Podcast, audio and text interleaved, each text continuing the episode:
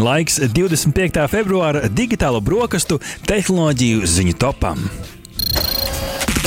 Ziņa numur viens.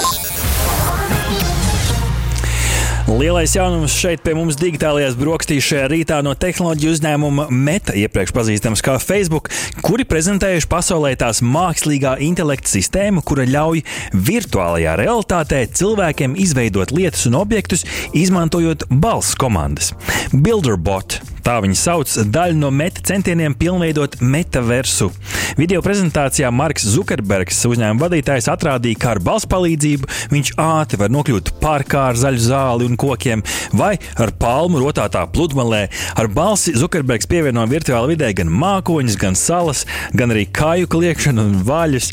Prezentācijas eh, laikā gan viņš vairāk koncentrējās uz 3D objektu veidošanu vidē un mazāk iedziļinājās tieši tehniskajās detaļās, kā tie tiek veidoti.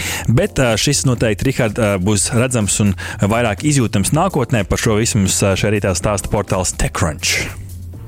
Uh, jā, klausītāji, meta centieni iezīmē jaunu tendenci, jo, starp citu, arī radošajā spēļu pasaulē Roblox uh, viņi testē arī iespēju ar balss komandām uh, nu, veidot dažādus objektus. Tā kā šī ir tāda vienota tendence, varētu teikt. Kopumā skatoties, šis, protams, ir tikai viens no uh, rezultātiem, ko mēs varam sagaidīt uh, no šīs meta. Uh, Vairs platformas, uh, jo nu, uh, tiešām uzņēmums uh, miljardus investē šīs platformas attīstībā.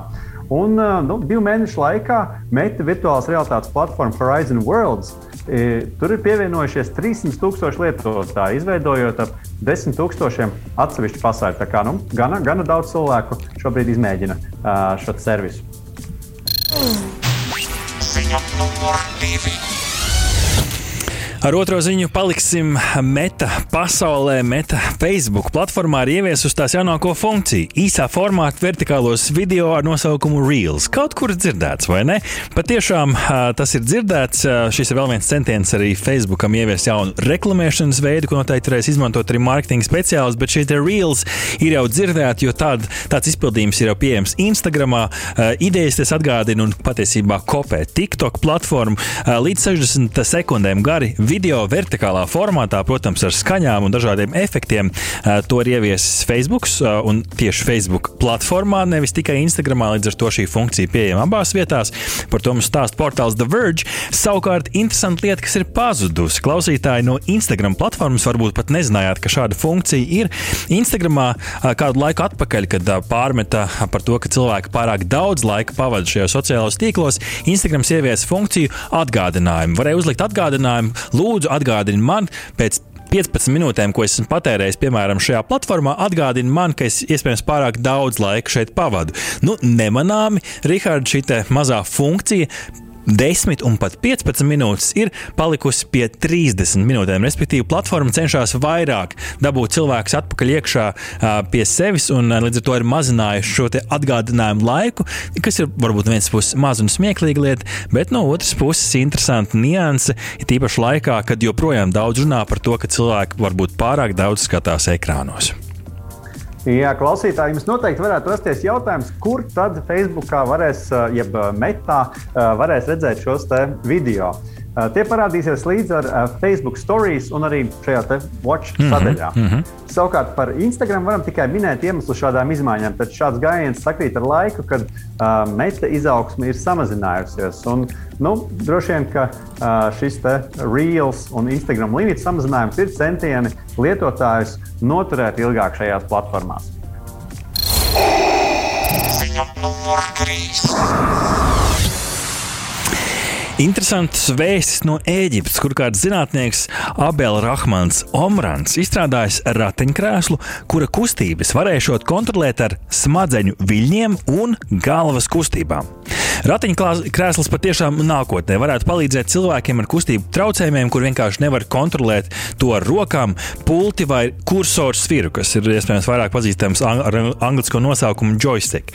Ratiņkrēslam ir divi kontrolas mehānismi. Tad pirmkārt šis smadzeņu darbības drošības mehānismus, par ko gan taisnības labad jāsaka. Izklausījās, ka šis vairāk vēl ir tādā ieceru stadijā. Toties arī video materiālos, kas ir pieejami internetā, ļoti labi ir attēlots, kā tieši ar galvas kustībām uz priekšu, uz atpakaļ, uz sāniem var kontrolēt jau ratiņkrēsla šo darbību.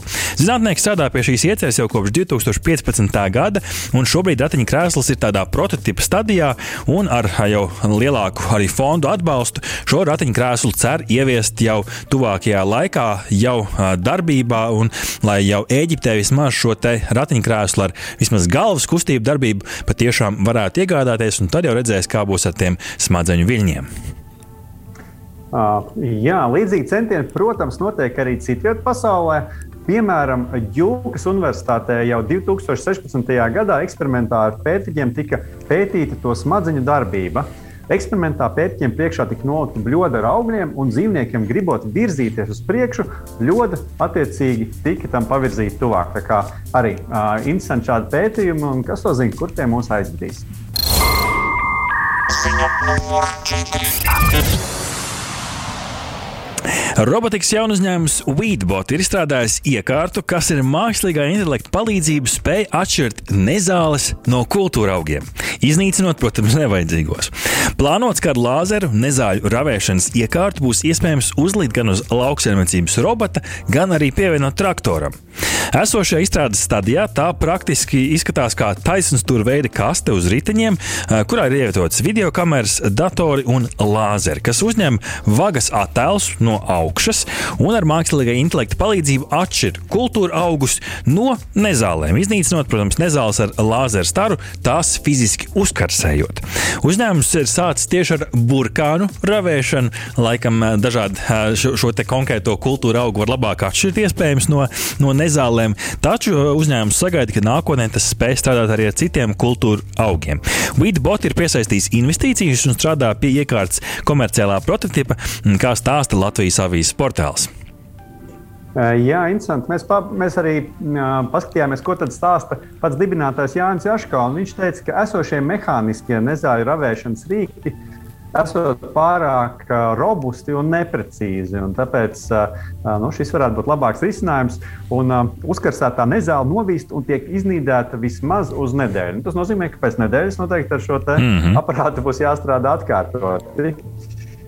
Priekšrocība esot tā, ka aparāts neuzirdina augsni. Līdz ar to nu, tā neietekmē. Bet tajā pašā laikā mēs zinām, ka augsnirdināt patiesībā diezgan labi. Tā kā nu, te arī interesanti, kā tas viss, viss notiek. Bet forši, ka tas notiek šeit pie mums Latvijā. Redz, Richard, ja kādam interesē vēl dažādas tehnoloģijas lauksaimniecības nozare, noteikti var apskatīties arī mūsu digitālo brokastu arhīvā. Jums bija pat vesels raidījums par lauksaimniecības tehnoloģijām. Man šķiet, ka Richard, toreiz mēs arī runājām par nezālēm un par lāzeriem. Tā kā šeit varbūt pat jau tāds labs apliecinājums un interesanti, ka šeit pat Latvijā varbūt šī, te, šī te nodarbe, kas mums kādreiz katram bija jādara, varbūt to nākotnē Rihards darīs lāzeri. Ziņa numur 5.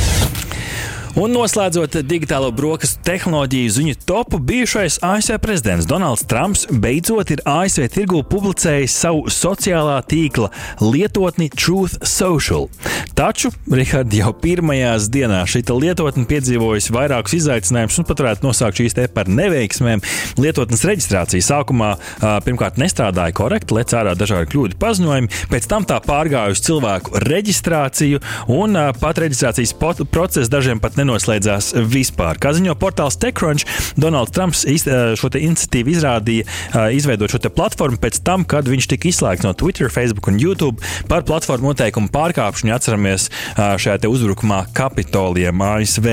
Un platformas mērķis, šīs platformas mērķis esot būt konkurentam liberālo mediju konsorcijiem un cīnīties pret lielo tehnoloģiju uzņēmumiem. Tas ir citāts. Tīri praktiski, Rihards, cik redzēts dažādos ekrānu šāviņos, šī konkrētā lietotne atgādina tādu Twitter Twitter līdzīgu platformu, kur var dalīties ar dažādu veidu ierakstiem. Jā, starp citu, popularitāti lietotni ieguva pirmajās dienās. Tā nonākot uh, Apple App Store visvairāk lejupielādēto bezmaksas lietoņu sarakstu augšgalā. Bet uh, nu, skaidrs, ka uh, šīm, te, šai te lietotnē ir jāatbilst visiem drošības standartiem, lai uh, gan Apple App Store, gan arī uh, Google Play Store uh, to paturētu savā, uh, savā tajā lejupielādējumu lietotņu sarakstā. Tā kā, nu, šeit uh, Trumpa kungs nevarēs izturēties viegliprātīgi pret, pret dažādiem drošības iestādījumiem, un šai lietotnē, protams, arī būs jāatbilst visiem drošības nosacījumiem. Rihard, vai uh, tu reģistrēto šajā lietotnē, ja tā būtu pieejama Latvijā? Jo es, cik skatījos, uz Apple App Store šobrīd tā nav pieejama. Uh, droši vien, ka pagaidām vēl nē, jo visdrīzāk neatradīšu tur daudz domu biedru. Bet, uh, kas to zina? Kas to zina? Uh, vienmēr jau ir interesanti pamēģināt jaunas lietas. Par to liecina arī tas, cik populāra šī lietotne bija tās pirmajās dienās. Pasaules mēdī gan Rihard runā arī par to, ka šeit, šai konkrētajai platformai pat nesot tik daudz nozīme, ka tur būs milzīgs skaits ar lietotāju, kā drīzāk šī ir vēl, vēl viena tāda digitāla platforma, kur līdzīgi domājošiem pulcēties, kas varētu laikam radīt tādus lielākus viļņus. Nu, redzēsim, kā šī platforma attīstīsies, vai kādu dienu liksim to topos. Tā to jau laiks rādīs. Bet, ja klausītāji jūs vēlaties arī katru nedēļas sākumā izteikt savu viedokli, tad varat sekot LSM.CLV Instagram kontam, ar kuru mēs sadarbojamies arī digitālais brokastīs katras nedēļas sākumā, prasot jums dažādus jautājumus gan saistībā ar tehnoloģiju ziņu topu, gan arī tās nedēļas interviju. Tāpēc lūdzu piesakojiet un apskatiet šos stāstus, jeb storiju nedēļas sākumā, parasti jau pirmdienā, lai izteiktu arī savu viedokli. Aha! Paldies, ka noklausījāties mūsu līdz galam! Ja patika, uzspiediet laiku, atstājiet komentāru vai padalieties ar draugiem. Un nobaudiet arī citas epizodes, kā arī sekot mums, lai nepalaistu garām savu ikdienas tehnoloģiju ziņu devumu.